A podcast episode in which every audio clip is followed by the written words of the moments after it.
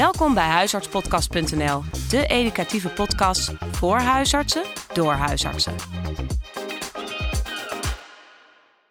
Beste luisteraars, welkom terug bij het podcastonderwerp van een aantal maanden geleden, aanbijen. Naar aanleiding van die podcast uh, kregen we nog wat, uh, wat vragen erover, onder andere van huisarts in de Lier, Stephanie Le Mahieu. Ik hoop dat ik goed uitspreek. En ik heb vandaag nogmaals aan de lijn Roelof de Jong, oud-huisarts en auteur van de proctologische hoofdstukjes in het handboek Verrichtingen. Helaas vandaag niet vanuit zijn prachthuis in de heuvels van Apeldoorn. Uh, maar Roelof, fijn dat je bereid bent nog een aantal additionele vragen te beantwoorden. Ja, uh, uh, dankjewel Marco. Leuk om dit te doen. En het zijn ook leuke, hele zinvolle vragen. Ja, er is nog een terugkoppeling, was ik vond zelfs de leukste terugkoppeling van de podcast die we samen hebben gemaakt. Die was niet heel inhoudelijk, maar die was van, onze, van de dochter van onze praktijkondersteuner GGZ. Die heeft het stukje Oh. waarin jij het lichamelijk onderzoek uitlegt, waarbij je de bil optilt, dat vond zij hilarisch. Dus dat is in huis, Oh, eh, prachtig. de, de huis is dat eindeloos eh, afgeluisterd, geloof ik. Prachtig. Dus, ja, dus niet alleen wel vermakelijk, ook... eh, ja, leuk, leuk, leuk. Best wel belangrijk, ja. ja, ja, precies. Ehm, eerste vraag was, eh, waardoor ontstaat soiling precies? Eh, nou het is goed om even te kijken wat eh, houdt die soiling eh, precies in. Ehm, eh, laten we het eerst vooral hebben over de hele lichte soiling. Dus dat wil zeggen de, de vlekken en de strepen in het ondergoed. En dat kan natuurlijk licht vocht zijn of gelig vocht.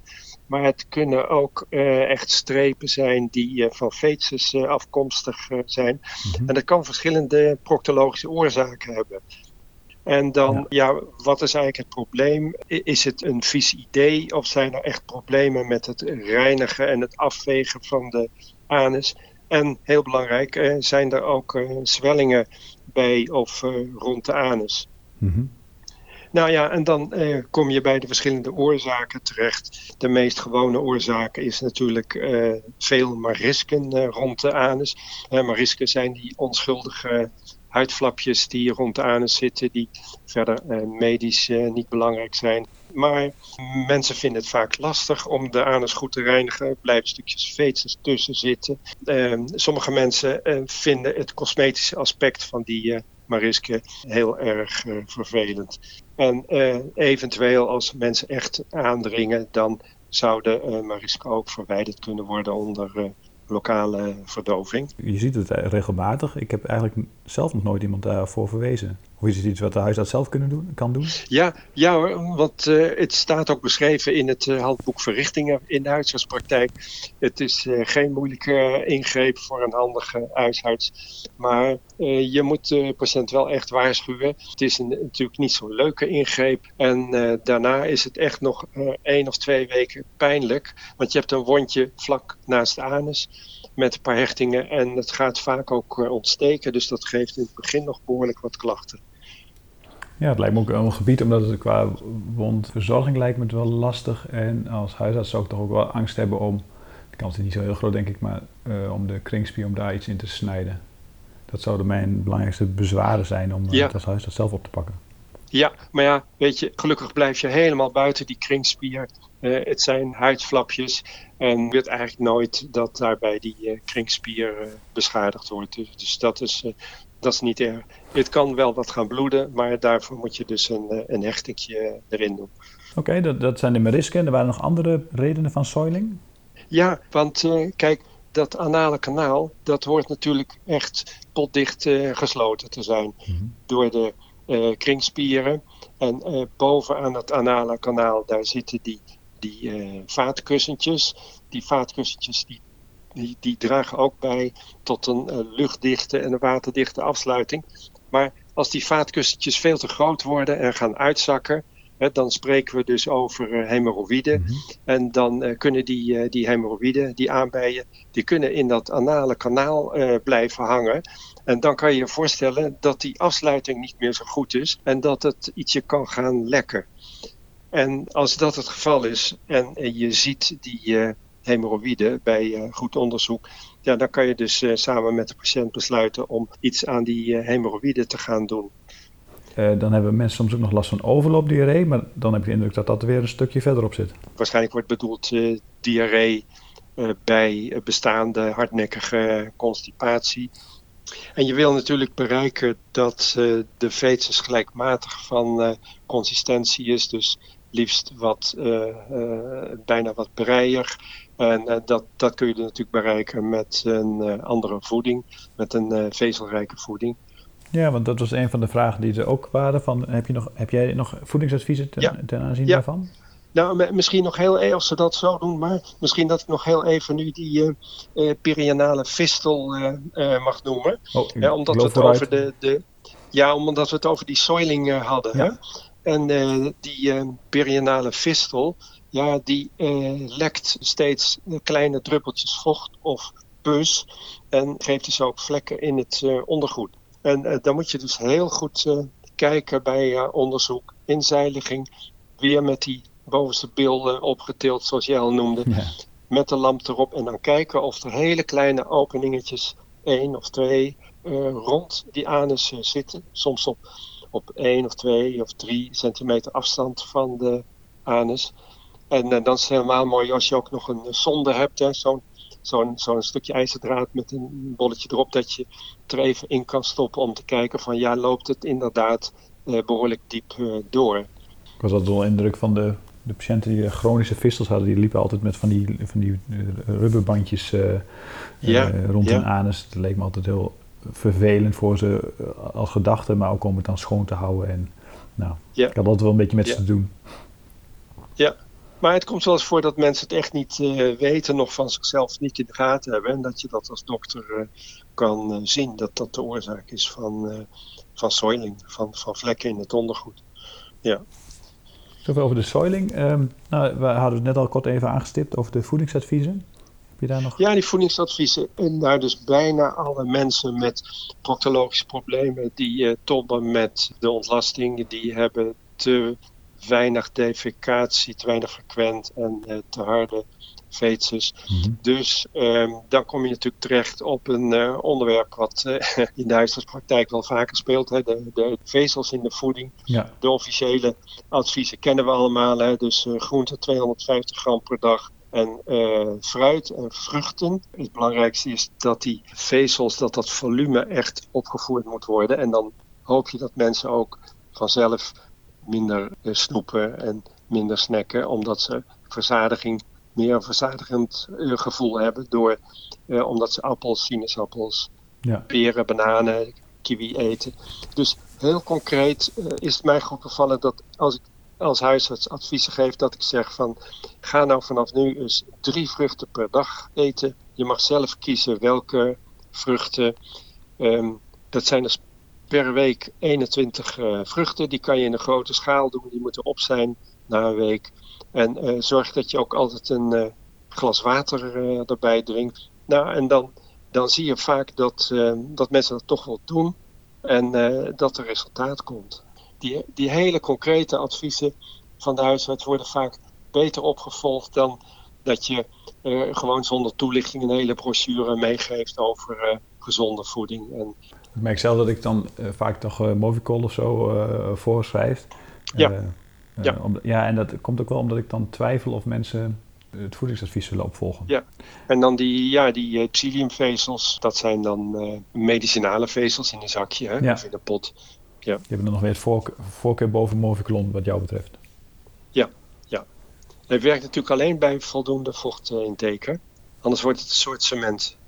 Ja, ja, dat noemen we wel bij. Ik denk dat dat het lijkt me ook wat makkelijker om, om op te volgen dan uh, uh, als je niet gewend bent om veel groente en fruit te eten. Dan is, dan is dat best wel een stap, denk ik. Ja, ja.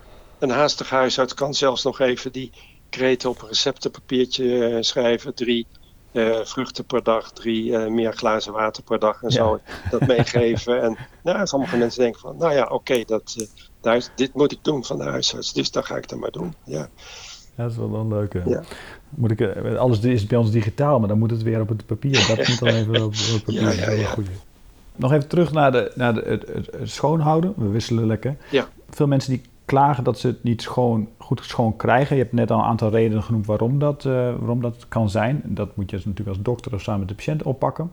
Zolang dat nog niet opgepakt is of niet verholpen is, hoe adviseer jij goede anale verzorging? Ja, nou als het met wc-papier alleen niet lukt, dan kan je dat natuurlijk doen met, met vocht, met een nat doekje, een nat washandje met wat water. waar we altijd als huisartsen tegen waarschuwen, dat is dat als je zo'n doos koopt met uh, natte uh, doekjes. Daar zitten geurstoffen in en die geven contactallergie. Oké, maar op zich een washandje met gewoon water, dat zou prima zijn. Ja, dat is prima. Gebruik geen zeep, want dat geeft steeds weer ontvetting van de huid. En daarna krijg je roodheid en irritatie en branden. Andere vraag ging over postpartum. Dus na de bevalling dan nog de rubberbandligatuur toepassen. En kun je dat ook wel tussen twee zwangerschappen doen? Ja, nou, tussen twee zwangerschappen is dat natuurlijk uh, prima te doen. Postpartum uh, moet je proberen om uh, voldoende afstand tot de bevalling te krijgen. Dus het liefst een aantal weken later. Hè? Mm-hmm. omdat natuurlijk de zwellingen op natuurlijke manier ook teruggaan in de eerste zes weken na de bevalling. Maar er is natuurlijk geen bezwaar tegen om tussen bevallingen door nog eens even een sessie te doen. En er zijn natuurlijk ook mensen met heel veel aanbijen die niet in één keer behandeld kunnen worden, maar die uh, dan bijvoorbeeld twee sessies uh, achter elkaar krijgen met uh, tussenruimte van drie weken. Ja, de standaard werd gezegd een recidiefkans van 50% met binnen twee jaar. Dus nou ja, al, ja. het glas is half vol, half leeg. De helft is dus met, met één keer geholpen. Ja. Kun je kort het verschil uitleggen tussen anale prolaps en aanbijen? En wat zou je bij, als je de diagnose prolaps stelt, wat zou je voor behandeling daarop instellen? Het uh, anale kanaal is uh, maar heel uh, kort. Dat is normaal 3,5, 4 centimeter. Maar dat kan natuurlijk ook verslappen en uitzakken. Maar wat je meer ziet is dat het hele rectum als een soort telescoop naar buiten komt. Dat er een enorme, prachtig mooie, ronde, circulaire zwelling ver uitpuilt buiten de anus. Uh, en je kan de patiënt laten persen en dan wordt die steeds groter en groter. En ja, dat is duidelijk de, de rectumprolaps. Dat je het met zoveel schoonheid en esthetiek kunt beschrijven, geeft wel aan dat je wel enthousiast bent over het onderwerp. Um. Maar de, ja, de rectum, rectumprolaps is natuurlijk typisch iets uh, voor de chirurg. Ja. Dat moet de chirurg behandelen. Andere prolapsen, ja, het kan geprobeerd worden met bandligatuur. Uh, boven het gebied van de prolaps kunnen dus veel bandligaturen worden aangelegd in diverse sessies. En dan hoop je dat je retractie krijgt door littekenweefsel en dat de zwellingen naar binnen worden, worden getrokken. Ja. En de effect van bekkenbodemtraining? Ja, dat is natuurlijk altijd belangrijk, want die bekkenbodem is natuurlijk ja, slap uh, dan. Beweging, bekkenbodemtraining. ja, dat is heel belangrijk. De laatste vraag alweer. Zie je nog vaak bijwerkingen van DIL-TSM? Ja, nee, echt heel weinig hoor. Het kan natuurlijk hoofdpijn geven of duizeligheid.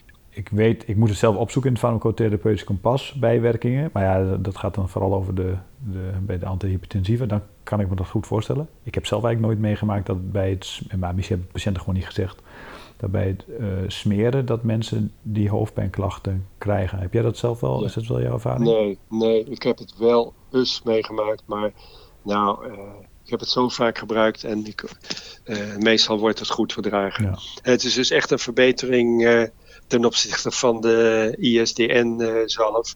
die, die moeten we eigenlijk niet meer gebruiken. Nee. Die isosorbide dinitraatzalf, dat was eigenlijk de voorloper van ja. de deel-TSM. Ja. Heel belangrijk is natuurlijk met de deel-TSM-zalf, dat de indicatie is dus de, de chronische anale fissuur, dat het echt heel lang wordt voortgezet. Er is pas na, is pas na twee weken is er effect. echt die chronische fissuur weg te krijgen, ja, dan moet je vaak toch minstens twee maanden smeren. Oké, ik denk dat er wel een stukje verwachtingsmanagement uh, op zijn plek is. Nou, voor mij zijn we aan het eind van de vragen. Dus dank je, Roelof, dat je nogmaals ons te woord hebt willen staan hierover. En dank Stephanie voor je vragen. Mijn naam is Mark Krukerink. Goed gewoon. Bedankt voor het luisteren. Bekijk ook onze website op huisartspodcast.nl. Voor vragen of suggesties kun je mailen naar huisartspodcast.gmail.com. Tot de volgende keer.